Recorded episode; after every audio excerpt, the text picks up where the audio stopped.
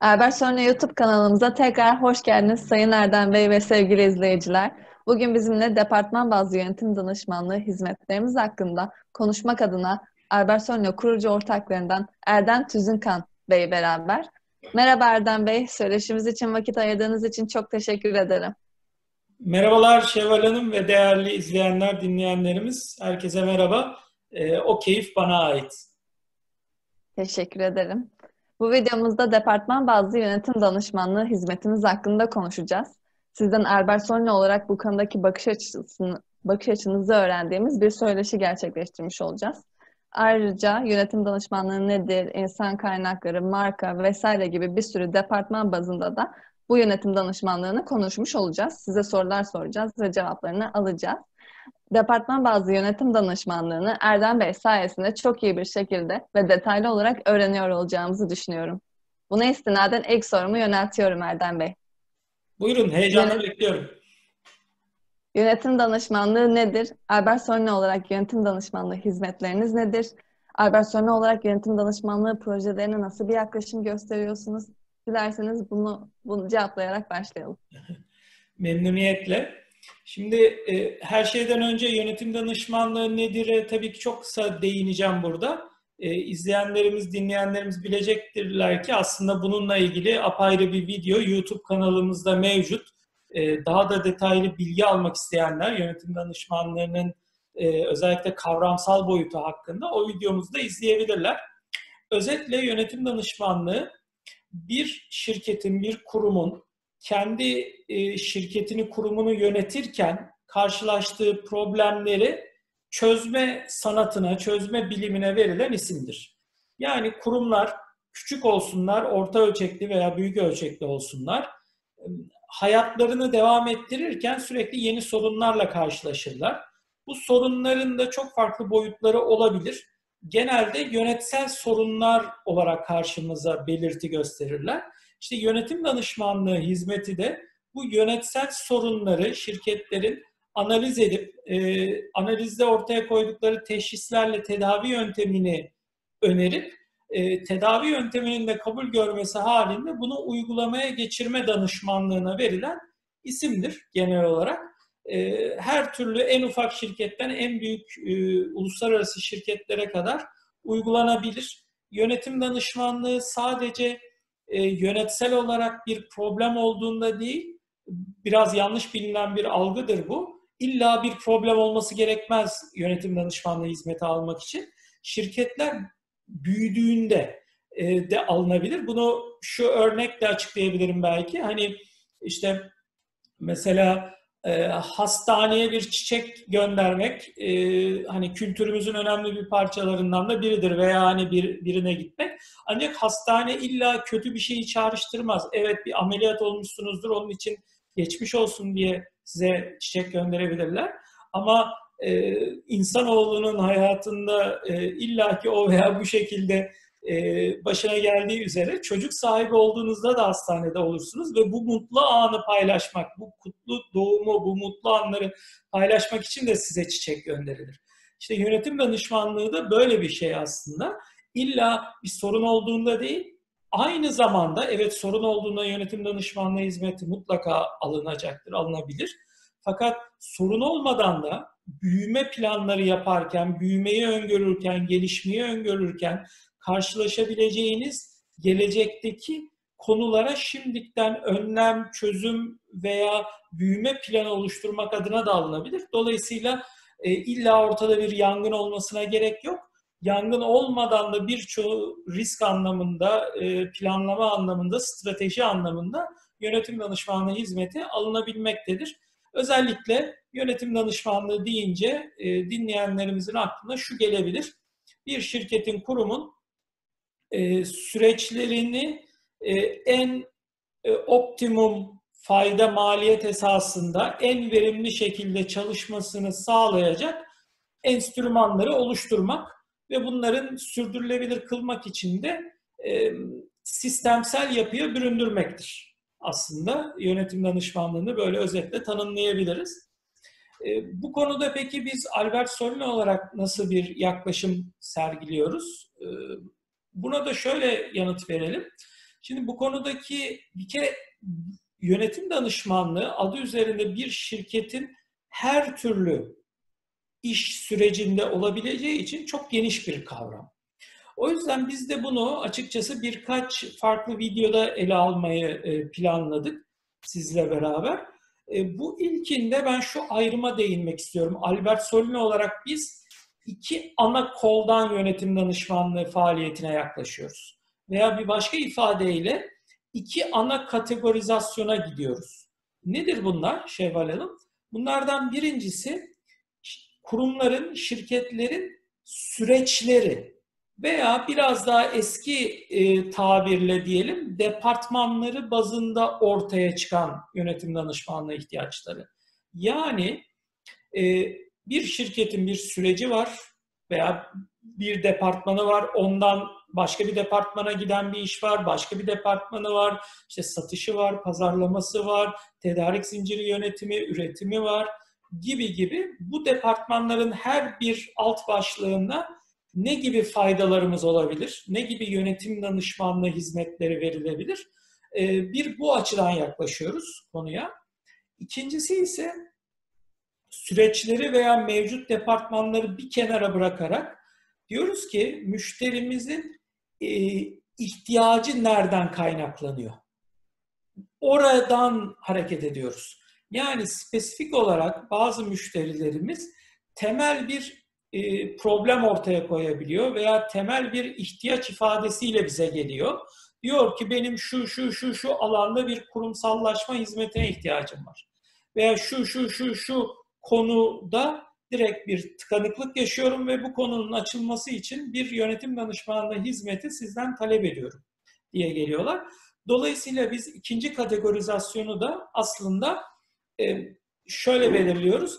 İhtiyaçtan yola çıkan, müşteri ihtiyacından, iş ortağımızın, paydaşımızın ihtiyacından e, yola çıkan yönetim danışmanlığı hizmetleri olarak sınıflandırıyoruz. Bu şu anki videomuzda aslında ilk bahsettiğim kategorizasyon olan e, departman ve veya süreç bazlı e, açıkçası yönetim danışmanlığı hizmetlerinden ve bu tarz yaklaşımlarımızdan bahsediyor olacağız.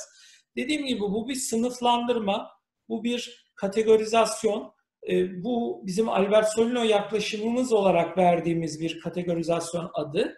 E, bu sayede açıkçası dinleyenlerimize, müşterilerimize ihtiyaçlarını çok daha kolay bu, e, tespit edebilme ve o ihtiyaçlardan da doğru danışmanlık projesi üretebilmeyi hedefliyoruz.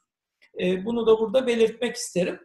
Peki bu yönetim danışmanlığı ve kurumsallaşma süreçlerinde e, Şevval Hanım nasıl bir e, yaklaşım, metodoloji sergiliyoruz dersek, şimdi bunun alt detaylarını birazdan eminim siz de sorularınızı açacaksınız. E, bununla beraber ben en genel manada bir e, bir konuyu altını çize çize belirtmek isterim. O da şu. Her ne danışmanlık projesi olursa olsun, her ne kurumsallaşma projesi olursa olsun, her ne yönetim danışmanlığı hizmeti olursa olsun, biz bu projeyi, bu hizmeti, bu danışmanlık işini üç ana başlıkta ele alıyoruz. Bunlardan birincisi organizasyon ve insan kaynakları, ikincisi teknoloji, üçüncüsü süreç. Şimdi bunları biraz açmak isterim izninizle.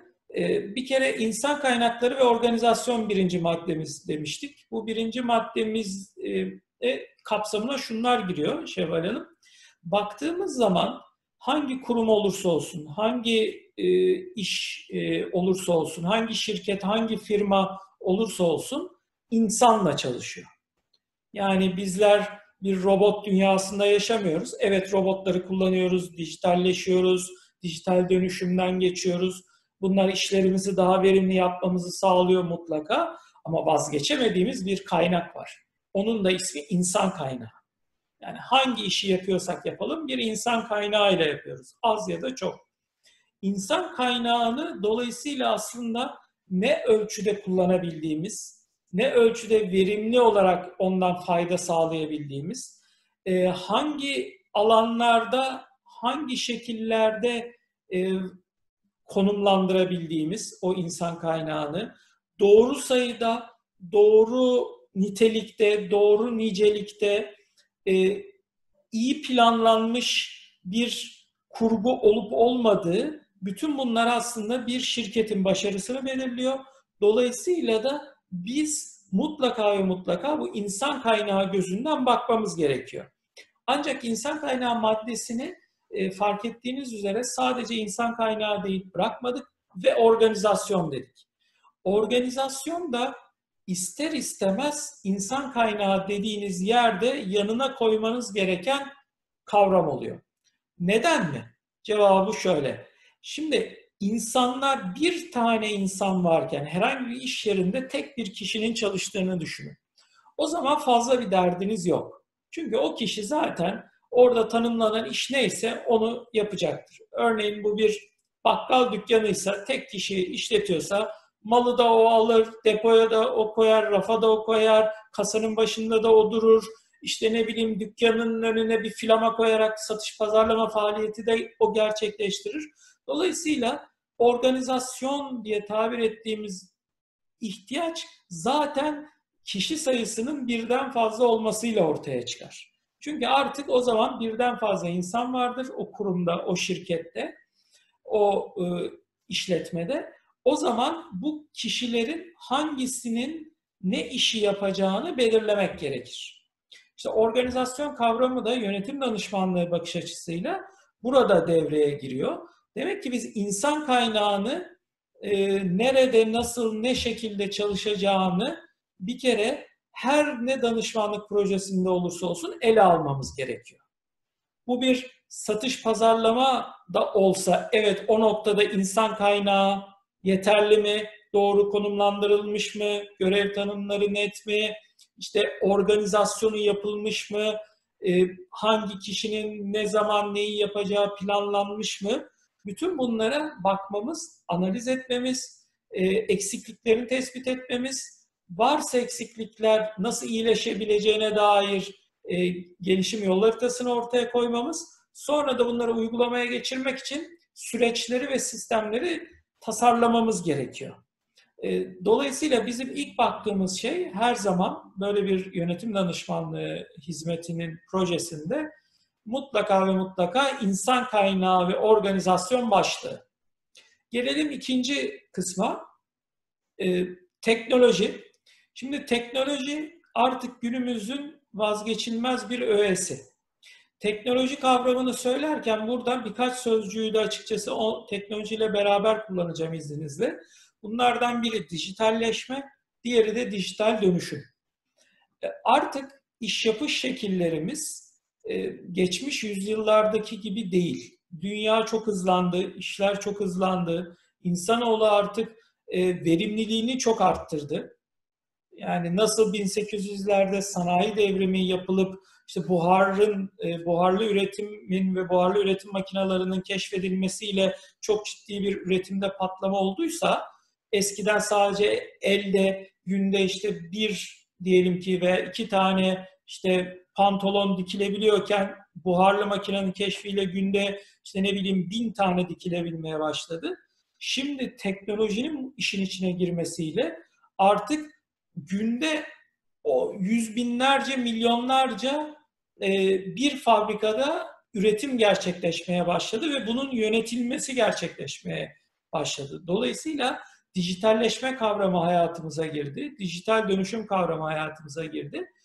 E, bu üç kavramın yani teknoloji, dijitalleşme ve dijital dönüşüm kavramlarının mutlaka ve mutlaka bir firma bünyesinde ne kadar uygulamada olduğunu, ne kadar farkındalığının olduğunu, e, hangi süreçlerinin, hangi insan kaynağının, hangi organizasyonun böyle teknoloji sistemleri üzerine, dijital sistemler üzerine kurgulandığını e, mutlaka ve mutlaka sorgulamamız gerekiyor bizim yönetim danışmanları olarak.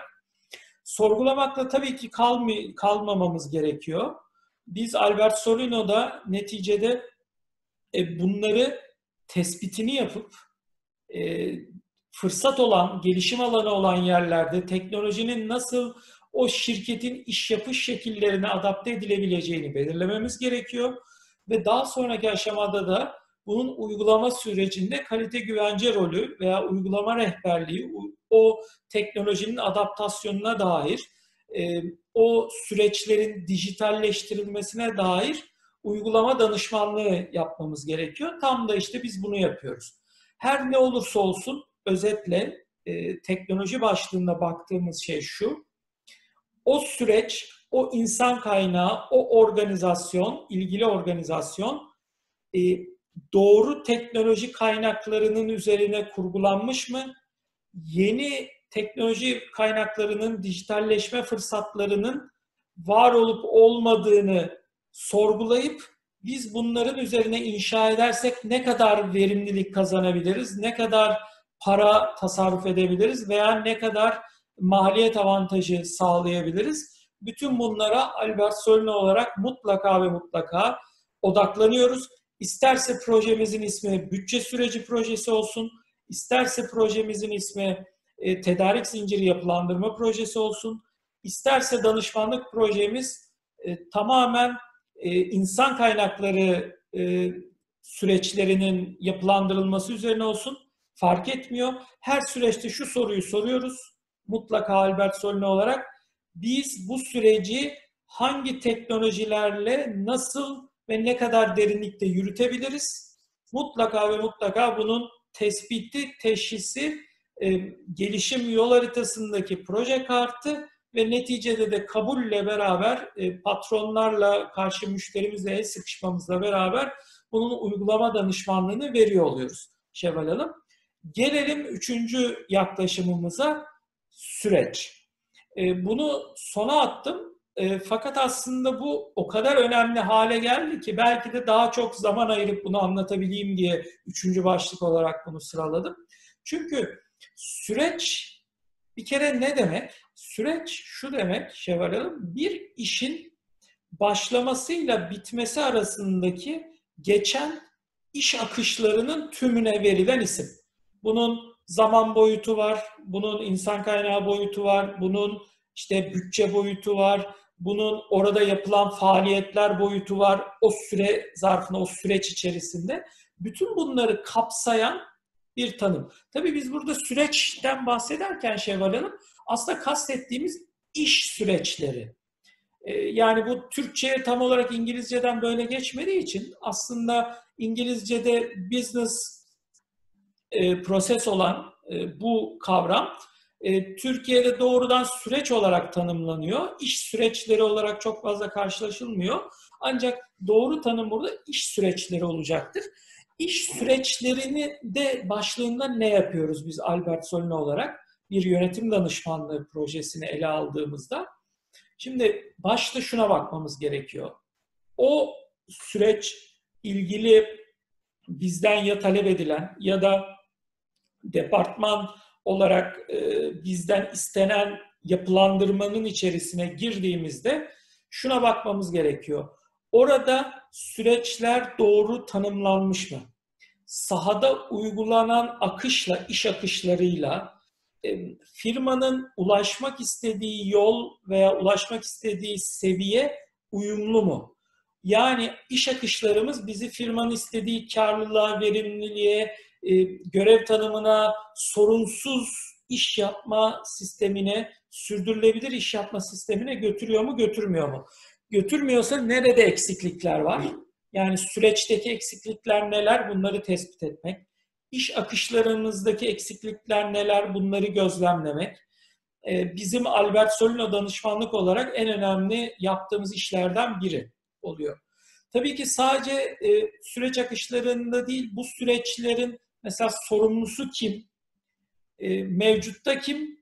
İdeal durumda kim olmalı? Yani gelecek durumda, istenen durumda ne olmalı? E, burada e, her zaman hani e, gap analizini yapıyoruz. Aslında hani e, İngilizce bir tabir tabii gap. E, bu noktada e, daha bunu Türkçeleştirirsek aslında mevcut durumda nasılız? Ve olmak istediğimiz durumda ne, ne hangi aşamada olmak istiyoruz? İkisinin arasındaki farkı tespit edip o farkı kapatmanın yollarını yazmak. Yollarını bir rehber olarak önermek. E, bizim Albert Solino danışmanlarının önemli bir faaliyeti oluyor. Bunu da süreç başlığında dediğim gibi o süreç bir kere doğru mu, var mı her şeyden önce? Var mı? Varsa bile doğru mu, eksiksiz mi, sorunsuz mu, ulaşılmak istenen hedefe hizmet ediyor mu? Bütün bunları ele alıyoruz. Ve buradaki süreçle beraber ayrılmaz bir kavram olan iş akışlarına da aynısını soruyoruz. İş akışları yerinde mi, tanımlı mı? İş akışları bize e, gri alanlar bırakmadan şirketin her türlü yaptığı işi kapsayan derecede sorunsuz bir tablo çiziyor mu? Çizmiyorsa eksik kalan noktaları neler ve biz bunları nasıl e, tanımlayabiliriz, oluşturabiliriz, tasarlayabiliriz ve hayata geçirebiliriz? Bu bakış açısıyla bakıyoruz. E, her ne danışmanlık projesi olursa olsun işte e, insan kaynağı ve organizasyon, teknoloji ve süreç bakış açısını mutlaka o projelerimize uyguluyoruz ve o projeleri başarıya ulaştırıyoruz. İlk sorunuzu böylelikle yanıtlamış olayım Şevval Hanım. Teşekkürler Erdem Bey. Bence seyircilerin aklında hiçbir soru kalmamıştır böylece. Bu arada süreçlerden bahsettiniz. Bu konu hakkında da bir videomuz var bundan bahsettiğimiz. Ve blogumuz da var. Onu da aşağıya açıklama kısmına bırakırım. Oradan ulaşabilirsiniz sevgili izleyiciler. Erdem Bey, departman departman konuşacak olursak satış ve pazarlama da oldukça önemli bir departman. Kimilerine göre şirketin bel kemiği ve çok önemli. Bu departman bazında da çok danışmanlık istenen bir e, departman yine aynı şekilde. Bu konu hakkında başka bir soru sorayım o halde size. İşletmeler neden satış ve pazarlama süreci kapsamında bir kurumsallaşma hizmeti almalıdır? Albert Solino bu süreçte işletmelere nasıl bir katkı sunar? Şimdi teşekkür ederim Şevval Hanım. Ee, çok doğru yerden yakaladınız. Dediğiniz gibi e, satış ve pazarlamayı bir şirketin bel kemiği olarak görebiliriz. Tabi burada hani tavuk mu yumurtadan çıkar, yumurta mı tavuktan çıkar sorusu, sorunsalı her zaman karşımıza çıkacaktır. Ancak hayatın şöyle bir gerçeği var. Eğer ticari manada kar amacı güden bir işletmeyseniz e, bir ürünü, bir hizmeti satmadan bir kere diğer organizasyonu var edemezsiniz. Çünkü hani bir şey satılmıyorsa siz nasıl bir e, döngü yaratacaksınız? Yani onları besleyecek parayı, tüm o işi, hizmeti üretecek, onları destekleyecek fonksiyonları nasıl hani ayakta tutacaksınız?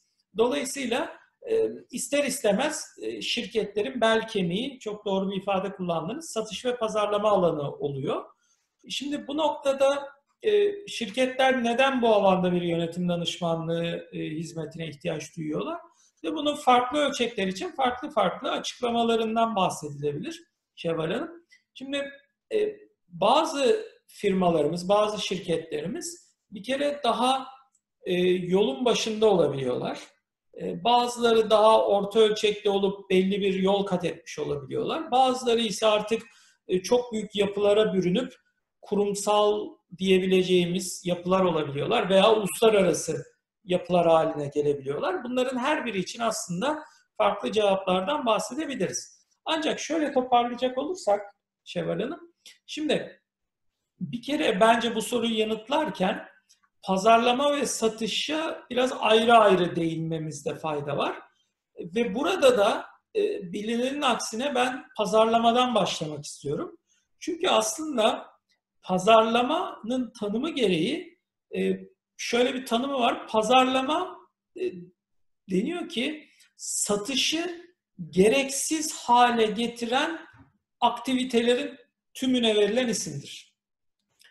E, burada tabii ki kastedilen satışın gereksiz olduğu değil ama pazarlamada öyle zaten stratejileri kurgular, öyle e, adımları atar, planlar, fiyatlamayı belirler, işte stratejilerinizi belirler, konumlamalarınızı belirler ve bunları uygulamalarını devreye alırsınız ki yani bir satış ekibi kurmasanız da, bir satış yapılanması kurmasanız da müşteri gelip alıyordur zaten. Sadece bulabileceği bir yer olması yeterlidir o ürün veya hizmeti. Bu anlamda satışı gereksiz kılmaya denir. Dolayısıyla belki de e, pazarlamadan başlamamız doğru bir kurgu ol, olacaktır. Kimler için?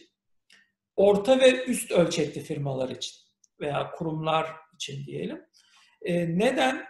Çünkü şöyle e, bir hani bakkal ölçeğinde düşünecek olursak tek kişilik işletme ölçeğinde şimdi ben pazarlama yapıyorum demek e, mutlaka pazarlamanın bazı kavramlarını içinde barındırsa da aslında biraz garip kaçar. Çünkü gerçek manada yaptığı şey doğrudan sıcak satıştır.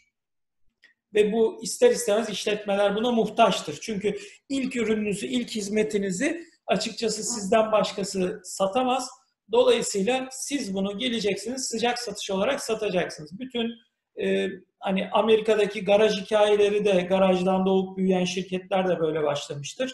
İşte e, Türkiye'deki büyük başarılı örnekler de böyle başlamıştır. Gidip mutlaka ilgili kişinin kapı çalıp hani elinde tabiri caizse işte sattığı ürün veya hizmeti e, kendisi veya tanıttığı şeyle beraber e, mutlaka bir satış hikayesi vardır. Hani İstanbul'da olanlar bilecektir. Hani vapurlarda e, gelip böyle işte vapur yolculuğu 15-20 dakika ünlenmiş birçok satıcı vardı. Şu elimizde görmüş olduğunuz işte kalem seti deyip işte 50 tane fonksiyonunu birden sıralayan ve çok başarılı satış, sıcak satışlar gerçekleştiren. Şimdi dolayısıyla pazarlamayla satışın ölçeği biraz farklı gerçekleşiyor. Pazarlamadan başlayalım demiştik. Pazarlamada e, müşteriler bize Albert Solino'ya neden ihtiyaç duyuyorlar, ne zaman ihtiyaç duyuyorlar? Bir kere satış artık veya satış kavramı yetersiz gelmeye başladığı zaman ihtiyaç duyuyorlar. Bir başka şekilde ifade etmeye çalışayım bunu. Satış departmanları var, satış satıyor, büyümek istiyor firma, müşterimiz büyümek istiyor.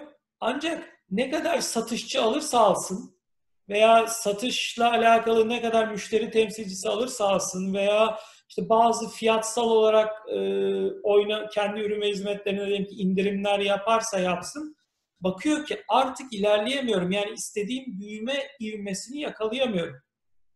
Ulaşmak istediğim hedeflerin altında kalıyorum. Halbuki atı alan Üsküdar'ı geçiyor. Örneğin rakibim mesela önemli bir motivasyon. Rakibim aldı başını gitti. Yani pazarda daha dün 3 yıl 5 yıl önce kurulan benim gibi 20 yıllık firmayı diyelim ki e, alaşağı etti ve benim iki katıma ulaştı. Halbuki ben bunu yapamıyorum. Ve yapmanın yolunu kuvvetle muhtemel ilk başta satış ekibini büyütmek veya farklı farklı çözümlerle denemiştir. Ancak geldiği noktada artık diyor ki ya demek ki benim bir şeyi farklı yapmam lazım. Ee, ve duyuyorum rakiplerden e, şeylerden pazarlama departmanı kurmuşlar. Gelin Albert Solino olarak benim pazarlama departmanımı kurun diyorlar. Yani dolayısıyla şirketlerin söylediği önemli motivasyon kaynaklarından biri bu. Bir diğer e, orada ortaya çıkan e, motivasyon konusu şirketlerin Albert Solino'ya başvurmalarında ya biz e, pazarda pazar payımızı kaybediyoruz. Yani rakiplerimiz var, rakiplerimizin kim olduğunun farkındayız. Ancak e, öyle de yapsak, böyle de yapsak pazar payımızı bir türlü koruyamıyoruz. Büyütmek bir yana kan kaybediyoruz. Gelin bize bir çare önerin diyenler oluyor. E, bir başka e, manada ya bizim pazarlama departmanımız var ama ben bu departmanın e, genelde yani genel müdür diyebiliyor bunu. Doğru işlediğini düşünmüyorum. Kişi, bir başka söylem bu pazarlama departmanı var ama çok kişiye bağımlıyız bizdeki müdür değişince eski şeyleri çöpe atıyoruz. Tamamen yeni şeyler kurgulamaya çalışıyoruz ve bir arpa boyu bile yol kat edemiyoruz diyenler olabiliyor.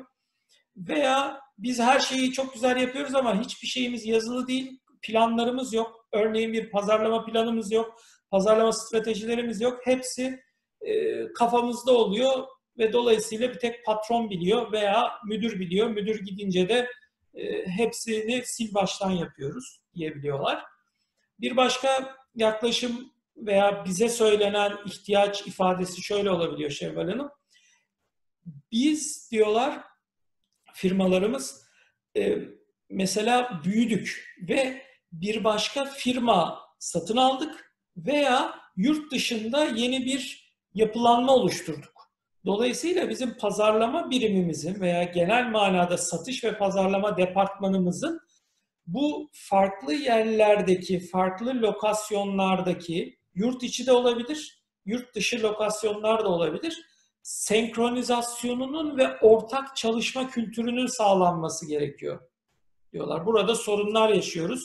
Örneğin diyorlar ki mesela yurt dışındaki e, firmamız da işte diyelim ki e, uluslararası firmalar var örneğin diyelim ki Unilever firması e, önemli ölçüde dünyanın 70-80 ülkesinde fabrikası ve işletmesi olan bir şirket. E, bizim diyelim ki Almanya ofisimiz de gidiyor Unilever'de teklif veriyor. Biz Türkiye'de de teklif veriyoruz ve e, birimiz öbür birimizin öbüründen haberi yok. Biz e, A derken öbür öbür Almanya'daki şeyimiz bizi Z diye anlatıyor mesela. Dolayısıyla bir iç iletişim yok, senkronizasyon yok pazarlamada. Pazarlama taktikleri ve stratejileri anlamında bir ortaklaşma yok. E, böyle gelebiliyorlar bize.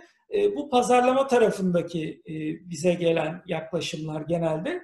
Satış tarafında müşterilerimizi dinlediğimiz zaman sorunlarını, tabiri caizse hani bir doktor gibi düşünün. Stetoskopu böyle e, hastamızın göğsüne koyup kulağımıza dayadığımız zaman duyduğumuz şeyler şunlar oluyor. Genelde satış tarafında e, bu başlık için satış departmanı, satış süreci için konuşacak olursak. Bir, ya biz büyümek istiyoruz. O yüzden satış departmanımızı yapılandırmak istiyoruz. Bize yardımcı olur musunuz? Diyorlar. İki, biz e, satışta doğru stratejileri belirlediğimize emin değiliz. E, bir şeyleri yanlış yapıyoruz. Gelin bizi analiz edin ve satış stratejilerimizi kurgulayın diyorlar.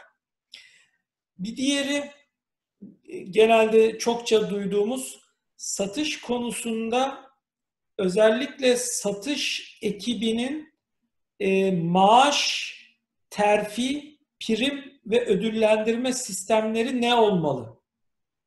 Bu konuda hani yetersiz kalıyoruz. Bu konuda adaleti sağlayamıyoruz. Adaleti sağlayamadığımız için satış ekiplerini memnun edemiyoruz. Sirki, satış ekiplerinde sirkülasyonumuz fazla oluyor veya satış ekiplerini bir türlü motive edemiyoruz. Ee, hani e, memur gibi e, sabah gelip akşam çıkıyorlar ve bir çıktı üretemiyorlar istediğimiz ölçüde. E, haykırışlarını duyuyoruz. E, bir başka yine karşımıza çıkan konu satışta e, örneğin kimin veya satış ve ilgili onunla bağlantılı süreçlerde kimin neyi yapacağının tam belli olmaması veya buradaki en doğrunun en bizim şirketimize uygun nedir?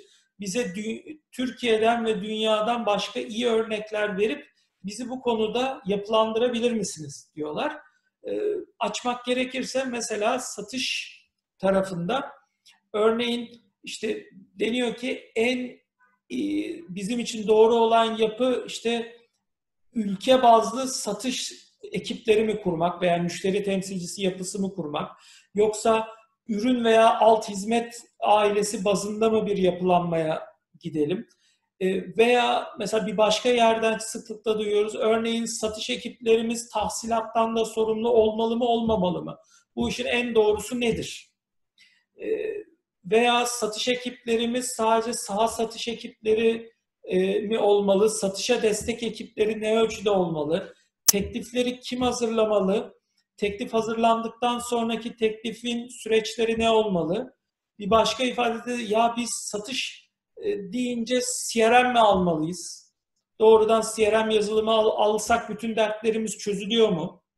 Yine sıklıkla duymaya başladığımız bir konu biz satışımızı nasıl dijitalleştirebiliriz? Veya müşteri yönetimimizi nasıl dijitalleştirebiliriz? E, bu sorulardan genelde hareket ediyorlar Şevval Hanım. Peki gelelim bu soruları duyduk. Gittik müşterimizi dinledik, stetoskopu hani koyduk ve müşterimiz bize böyle böyle böyle böyle dert yandı. Tıpkı bir psikolog gibi biz de onları oturduk, karşı masalarında dinledik. Şimdi ve dediler ki hadi top sizin sahanızda. Albert Solin olarak bize nasıl bir katkı sunacaksınız? Satış ve pazarlama süreçlerinde. Şimdi e, burada ben e, konuyu şöyle ele almak isterim izninizle. Bir kere bizim buradaki e, danışmanlık yaklaşımı aktivitelerimiz neler? Bu aktivitelerimizden e, oluşacak çıktılarımız neler olacak? Ve bu çıktıları ve aktiviteleri üretirken biz hangi Albert Solino e, yöntemlerinden veya e, yönetim danışmanlığı araçlarından faydalanacağız. Bunu kabaca e, söylemek isterim. Şimdi bunlardan e, tabii ki çok geniş kapsamlı bir konu. Burada her alt danışmanlığın kendi içinde böyle faaliyetlerini listelemek zor olacaktır ama genel bu sürecin faaliyetlerini, yönetim danışmanlığı faaliyetlerini listeleyecek olursak şu, şuradan başlayabiliriz. Ee, bir, e, satış ve pazarlama süreçlerini analiz ederiz.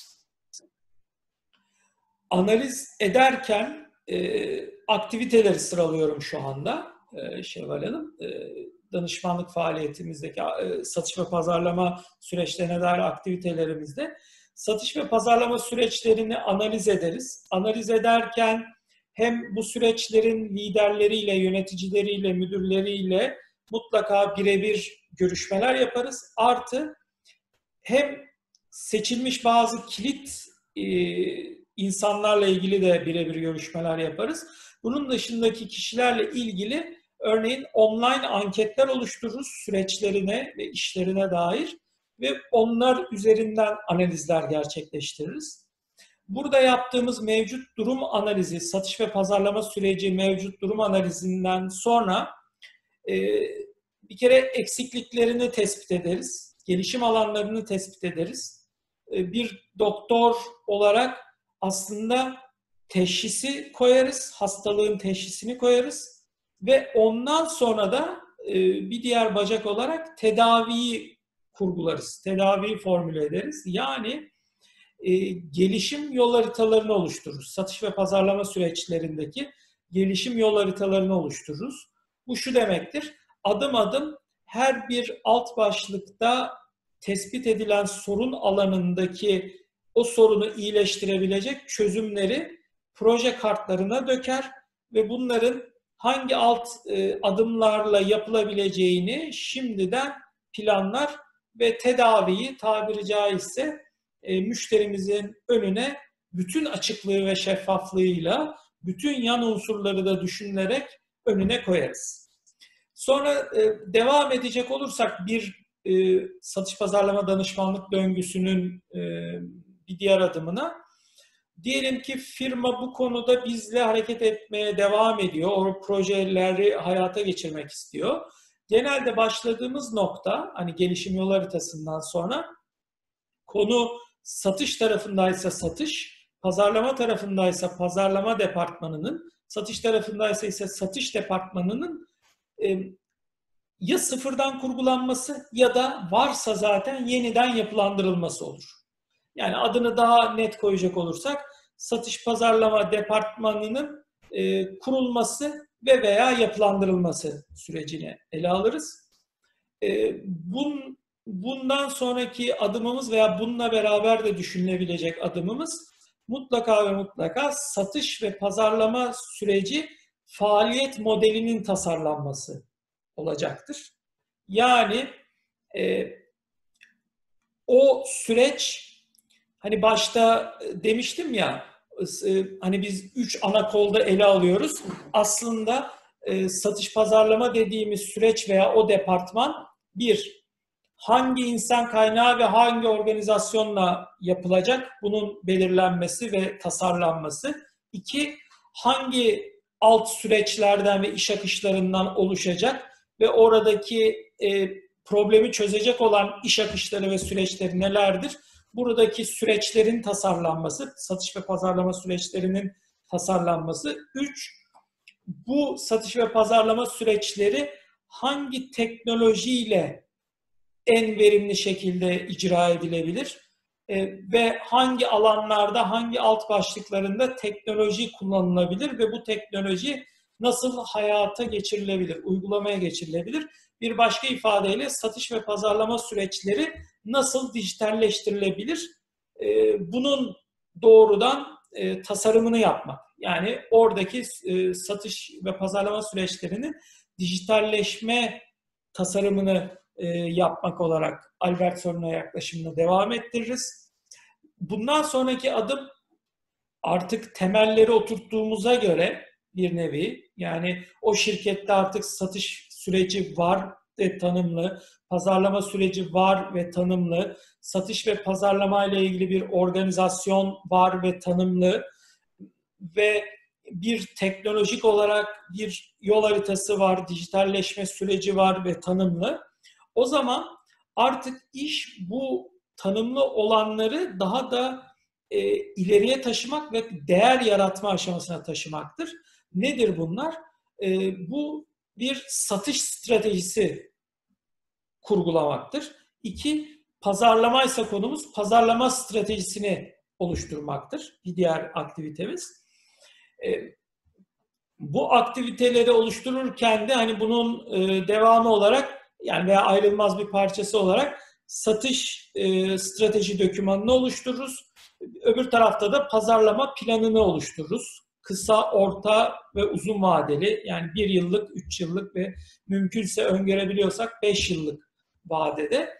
Daha sonra bu satış pazarlama e, süreçlerinde ihtiyaçları, stratejileri belirledikten sonra bunların nasıl ölçülebileceğine dair anahtar performans göstergelerini tasarlarız. Yani KPI dediğimiz anahtar performans göstergelerini tasarlarız.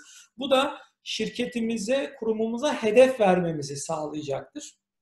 Ve bu hedeflere ne kadar ulaşıp ulaşabil ulaşabildiğimizi denetlememize sağlayacaktır. Unutmayalım ki e, ölçemediğiniz şeyi e, yönetemezsiniz. Hani e, yönetebilmek için de ölçmeniz gerekir, ölçmek için de hedef koymanız gerekir. Yani dolayısıyla bu düsturdan hareketle bu alanda da satış ve pazarlama alanında da anahtar performans göstergelerini belirleriz. Ee, daha sonra burada karşımıza muhtemelen çıkacak olan daha e, stratejik satış ve pazarlama konuları. Örneğin mesela gelişmiş işletmelerde müşteri deneyimini yönetmek olarak karşımıza çıkar. Artık e, firma hani satış ve pazarlama anlamında çok yetkindir. Fakat e, tıkandığı nokta müşterilerini birebir takip edip o müşteri deneyimini iyileştirerek e, aynı müşteriden aslında çok daha fazla değer yaratmak ve o müşteriyi çok daha uzun süre tutabilmeyi amaçlamaktadır. Yani müşteri kaybını minimuma indirip müşteriden maksimum değeri yaratmaya odaklanmak ister. Ee, özellikle de çok sayıda müşterisi olan genelde B2C ağırlıklı firmalar. Dolayısıyla müşteri deneyimi e, müşteri deneyim haritasını oluştururuz ve müşteri deneyimini iyileştirecek e, yapıları tasarlar ve hayata geçiririz bir diğer adım olarak. E, bir başka bakış açısında satış ve pazarlama alanında özellikle e, maaş seviyesi ve prim tasarımı çok önemli hale gelir. E, yani genel olarak maaş seviyesi neler olmalı ve daha da ötesi aslında satış ve pazarlama ekiplerinin prim sistemi nasıl olmalıdır bunu tasarlarız. Prim sistemi tasarımı ve ödüllendirme sistemi kurgulanması gerçekleştiririz. E, ve nihayetinde de e, satış ve pazarlama süreçlerinin dijitalleştirilmesi konusunda farklı teknoloji ve yazılım çözümlerini, CRM çözümlerini e, araştırır. Firmaya en uygununu belirleme konusunda onlara rehberlik eder ve karar verme süreçlerinde o süreçleri tasarlar ve bir teknoloji çözümüne karar verildiği zaman da o çözümün hayata geçirilmesi için e, kalite güvence rolü üstlenir. Yani o sürecin kavramsal tasarımını yapar, e, satış pazarlama sürecinin ve müşteri isterlerini oluştururuz. Yazılıma veya o teknolojinin adaptasyonuna girdi sağlayacak olan temel aslında süreçleri kurgularız. E, kabaca hani satış ve pazarlama sürecinde yaptığımız aktiviteleri bu şekilde özetleyebilirim. Çıktılarımız ne oluyor? Yer yer değindim ama böyle hızlıca alt alta sayayım. Ee, bir satış ve pazarlama süreci organizasyon şeması net bir çıktımız olur bu saydığım projelerde. İki, e, en başta da şunu saymıştık. E, satış ve pazarlama mevcut durum analizi ve satış pazarlama süreci gelişim yol haritası olarak net bir doküman çıktığımız olur. Ayrıyeten e, satış stratejileri dokümanı çıktısı üretiriz. Pazarlama stratejisi dokümanı olarak bir çıktı üretiriz.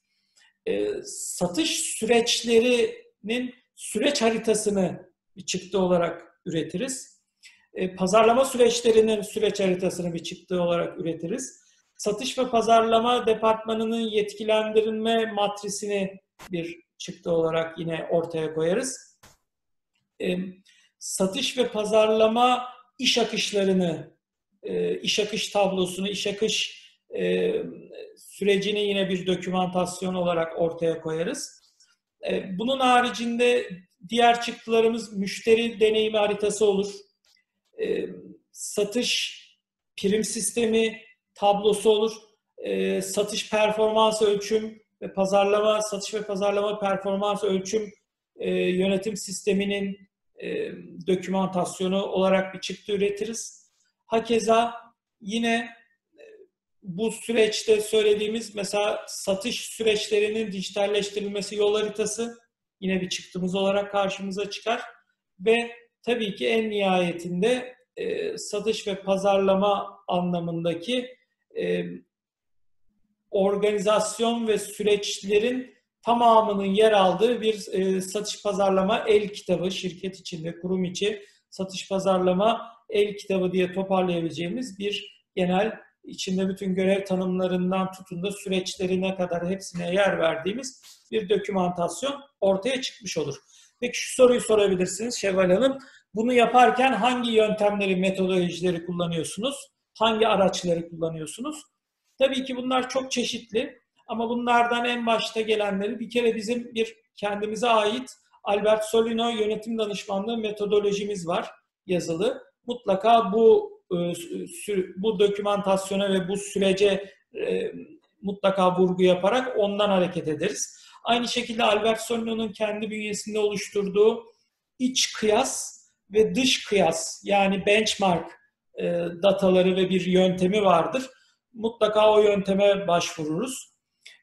Birebir toplantı ve birebir mülakat yöntemimiz vardır. Albert Solino olarak buna başvururuz. Albert Solino online anket metodolojimiz var. Bunu uygularız. Beyin fırtınası seansları uygularız. E, gap analizi uygularız. Onun haricinde e, zihin haritası yöntemi uygularız. Mutlaka ve mutlaka e, insan kaynağı boyutunda mesela yetkilendirme ve soda matrisi e, yöntemini uygularız. Yine e, strateji oluşturma aşamasında mutlaka işte Porter'ın e, Five Forces veya işte Porter'ın Beş Güç yöntemi vardır. Bunu uygularız. İşte BCG matrisini yine bir yöntem olarak uygularız. Hakeza kullandığımız yöntemlerden bir diğeri mutlaka ve mutlaka aslında e, validasyon yöntemidir. Yani geri yansıtma diye söyleyebileceğimiz kişileri kurumları, süreçleri analiz ederken onlardan aldığımız verilerden oluşan çıktıları ve ham önerilerimizi tekrar valide etme toplantıları yaparız. Yani karşılıklı onay veya el sıkışma toplantıları yaparız. Bir başka metodolojimiz yine e, böyle ara sunumlarda ve ara şeylerde statü toplantıları metodolojisidir mutlaka ve mutlaka statü toplantılarında aslında gelinen nokta ve projeden projenin kapsamındaki değişiklik, olası değişiklikleri kurguladığımız statü toplantısı metodunu mutlaka ve mutlaka uygularız. E, hakeza yine uyguladığımız bir diğer yöntem burada karşımıza çıkan e, özellikle e, müşteri deneyimi tarafında e, kullandığımız alanlar e, veri odaklı, data odaklı, günümüz teknolojileri odaklı. Özellikle hani Google Analytics veya işte Search Console gibi birçok e, veriyi, datayı bir arada o şirketle alakalı özellikle satış pazarlama süreçleriyle ilgili konuştuğumuzdan ötürü bulabildiğimiz yapıları mutlaka ve mutlaka kullanırız. Dolayısıyla hani işte dijital pazarlama veya işte e, diyebileceğimiz SEO diyebileceğimiz stratejileri ve yöntemleri de mutlaka bir yöntem olarak e, dahil eder ve araştırmalarımızda yer veririz. Hani kabaca yöntemlerimizi de böyle sıralayabilirim Şevval Hanım. Umarım sorunuza yanıt verebilmişimdir. Tabii ki Erdem Bey çok teşekkür ederim. O zaman hızımızı kesmeden başka bir departman hakkında bir soru daha sorayım. İşletmeler neden marka yönetimi ve markalaşma alanında yönetim danışmanlığı hizmeti almalıdır? Albert Sorunlu'nun bu konuda katkıları neler olur? Bunun hakkında ne söylemek istersiniz? Yani sormak istediğim soru şöyle Erdem Bey. Marka sürecini bir şirket kendisi yönetse ne olur? Danışmanlık alsa ne olur? Albert Sorunlu'dan danışmanlık alsa ne olur? Ee, bununla cevap vermenizi istiyorum. Teşekkürler. Ee, çok teşekkür ederim. Ee, bir kere şuradan başlamak lazım. Markalaşma e, veya marka yönetimi aslında ne zaman bir ihtiyaç haline geliyor firmalarda veya potansiyel müşterilerimize gittiğimizde hangi yakınmaları duyuyoruz? Bir kere şunu duyuyoruz. Ya ben karsız iş yapıyorum. Yani illa firmalar marka diye gelmiyor. Yani bir firma çoğunlukla genelde karını, katma değerini kaybettiği zaman bir arayışa giriyor. Ve o arayışın cevabı farklı yerlerde olabileceği gibi bu sorduğunuz soruya da çıkabiliyor Şevval Hanım. Yani marka süreci veya marka yönetimi ve markalaşma sürecine adım atması gerekliliği ortaya çık- çıkmış olabiliyor ama bu kendisi tarafından bilinmeye biliyor. Bu çoğunlukla B2B çalışan işletmelerde mesela karşımıza çıkıyor veya birine fason üretim yapan işletmelerde karşımıza çıkıyor. Ee, bir diğer konu e, bunun bilincinde olmakla beraber bir markası olmakla beraber firmanın aslında o markanın hakkını vermemesi tespitiyle ortaya çıkıyor. Yani marka var ama markanın yaşaması için yani kalbinin atıp damarlarında o kanın dolaşması için gerekli hiçbir alt bileşeni yok. Sadece bir marka e, yaratılmış ve orada bırakılmış ve o marka adı altında bir ürün işi yürütülüyor.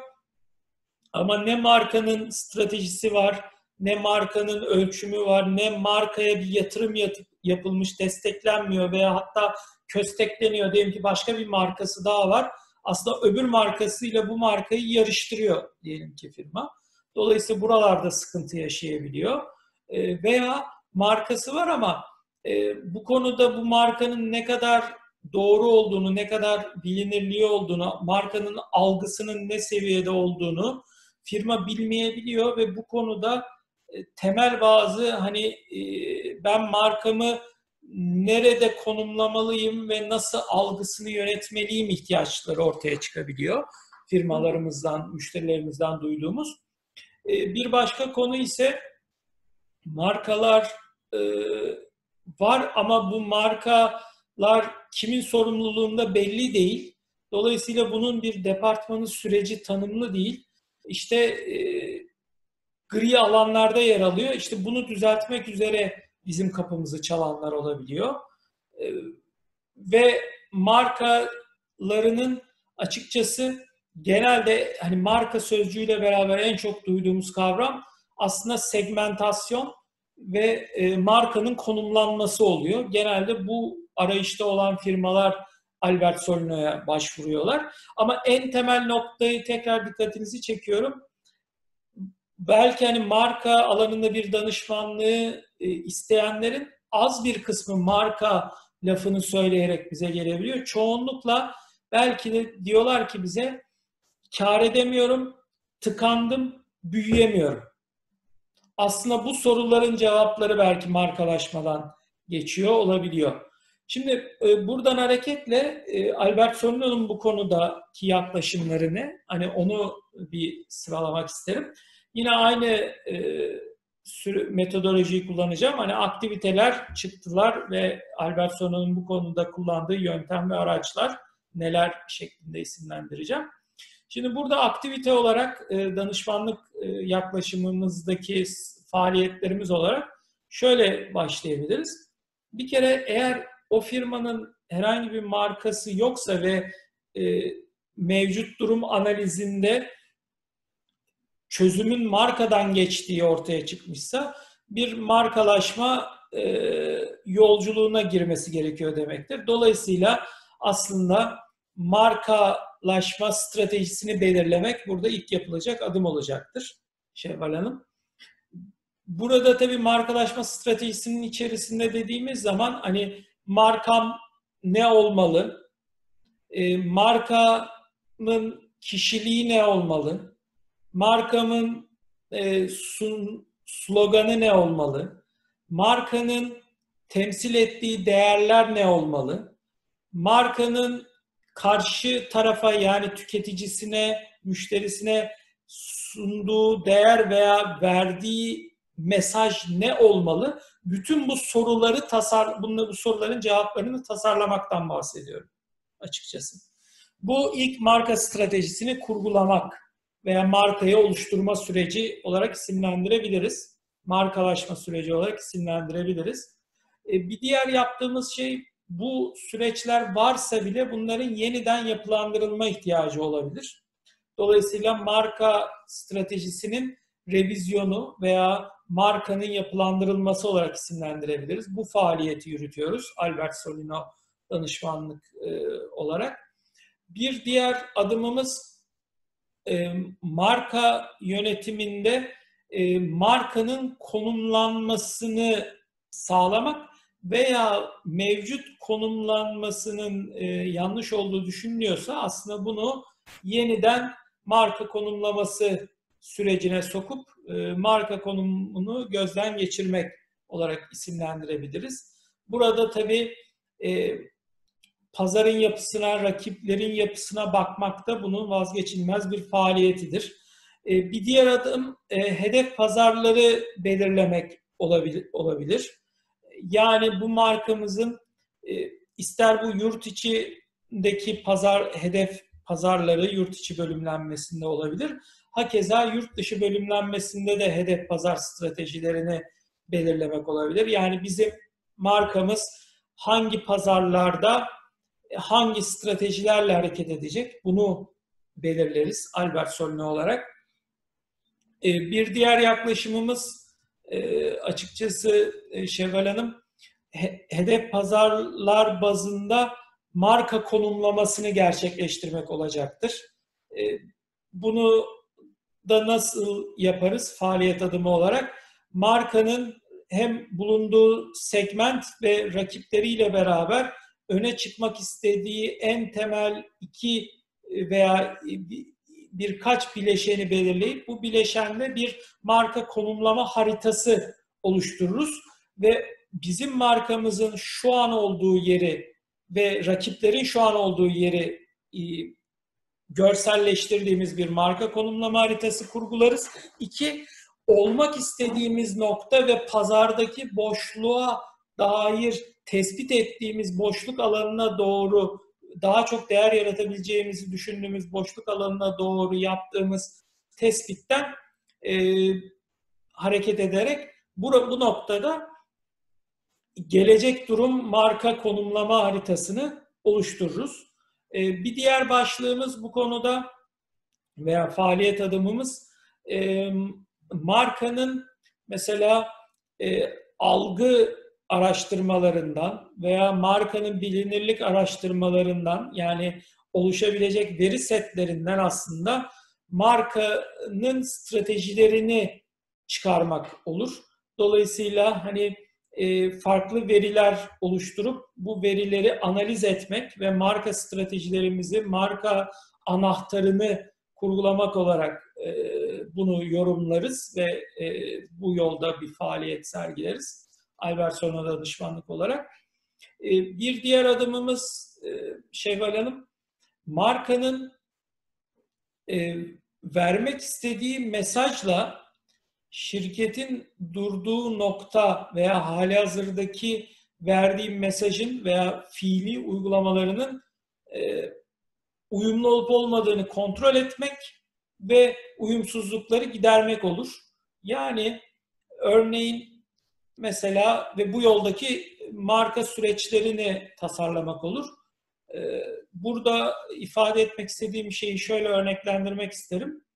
Örneğin diyelim ki biz çok müşteri dostu bir marka olmak istiyoruz ve bunu sloganımıza da yansıtıyoruz, kişiliğimizde de ifade ediyoruz vesaire.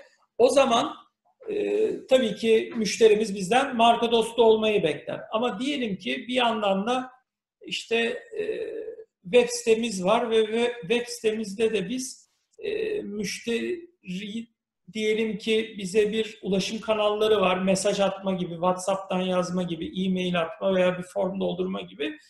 E, şunu kontrol ederiz. Böyle bir mesaj geldiğinde, böyle bir e, iletişim e, müşteriden geldiğinde buna ne kadar zamanla dönüyoruz?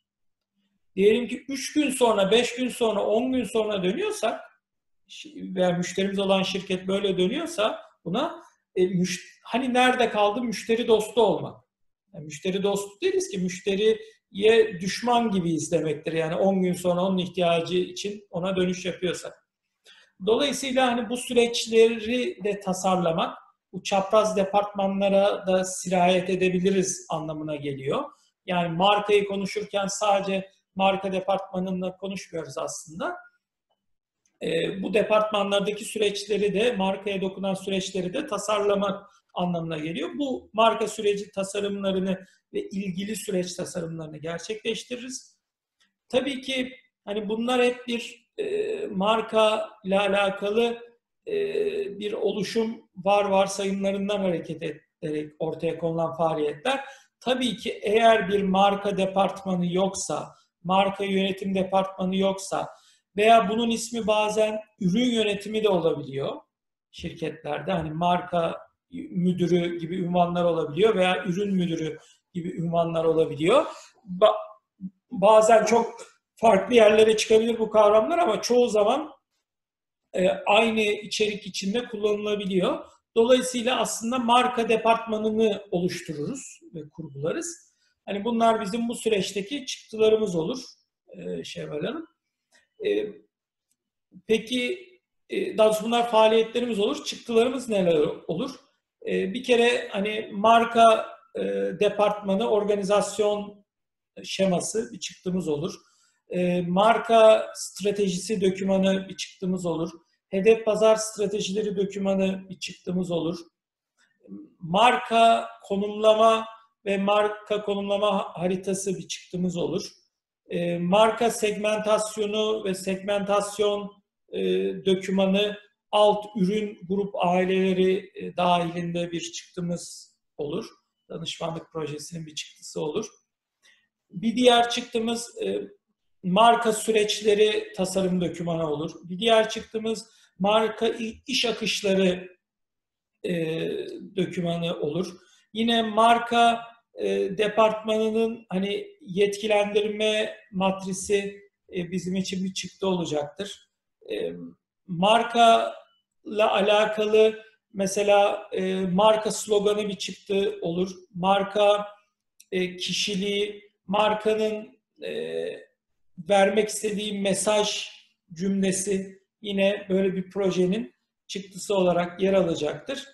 E, tabii ki marka e, yönetim stratejisi ve markanın departmansal olarak hani tüm kurguları da çıktı olarak gerçekleşecektir. Peki e, şöyle dersek e, markanızda bu söylediğimiz faaliyetleri ve çıktıları yapar, üretirken hangi metodolojilerden, hangi araçlardan faydalanacağız? E, mutlaka ve mutlaka tabii burada başvurduğumuz yöntem Albert Solino'nun yönetim danışmanlığı metodolojisi. Hakeza Albert Solino iç kıyas benchmark e, dataları, e, Albert Solino dış kıyas e, yani dış ülkelerdeki e, açıkçası yapılan markalaşma faaliyetleriyle ilgili o bizim data veri tabanımızın e, dan mutlaka faydalanırız. E, yine e, bu noktada e, herkes e, tarafından ulaşabilir olan veya ulaşılamayan bazı veri tabanlarına üyeyiz. Özellikle pazar verilerinin bulunduğu veya işte marka verilerinin, marka analizlerinin bulunduğu bu veri tabanlarına başvururuz. Ee, yine online anketler bu noktada bizim metodolojilerimizi oluşturur. Marka anahtarı denilen metodolojiyi çok kullanırız. Marka evi yöntemini kullanırız. Ee, aynı şekilde iş akışları yöntemini kullanırız. Ee, bu işi yaparken tabii ki beyin fırtınası çokça yaparız ilgili kişilerle. Mesela arama konferansları metodolojisini kullanabiliriz. Özellikle marka stratejileri belirleme alanında. Çalıştaylar bu noktada yine ön plana çıkar metodoloji olarak. Bu çalıştayları e, daha hani dar kapsamlısı olarak ifade edebileceğimiz aslında e, nasıl diyelim bizim Albert Solino böyle e, pop-up toplantı olarak isimlendirdiğimiz Albert Solino pop-up çalışma toplantıları düzenleriz firmayla ve buradan ciddi çıktılar üretiriz. Validasyon toplantıları yine bir yöntemimizdir. E, statü toplantıları yine bir yöntemimiz olarak ortaya çıkar. E, ve hani özellikle de belki burada dile getirebileceğimiz bir konuda e, mutlaka ve mutlaka markanın e, algısının belirlenirliğinin tartışılacağı ortamlarda hani dijital pazarlama araçları olarak da hani sosyal medya ve dijital pazarlamayı e, da hani bir araç olarak görürüz ve bu alanlardaki e, müşterimizin e, tepkilerinin müşterilerinden aldığı tepkilerin ne olduğunu ölçümlenmek adına e, sosyal medya ve dijital pazarlama stratejilerini de bir yöntem olarak kullanırız açıkçası. Hani e, bu şekilde umarım cevap vermiş olurum sorunuza. Bugün Albert Sorun'u kurucu ortağı Erdem Bey ile detaylı bir söyleşi gerçekleştirdik. Umarım herkes için faydalı bir video olmuştur Erdem Bey'in de dediği gibi. Kapanıştan önce öncelikle söyleşimizin katkıları, söyleşimizi katkılarıyla gerçekleştirdiğimiz Erdem Bey'e teşekkür etmek isterim. Çok teşekkürler Erdem Bey. Zamanınızdan ayırıp bizlerle bu söyleşi gerçekleştirdiğiniz için çok sağ olun. Ben de teşekkür ederim Şevval Hanım. Yeni söyleşilerde görüşmek üzere. Görüşmek üzere Erdem Bey.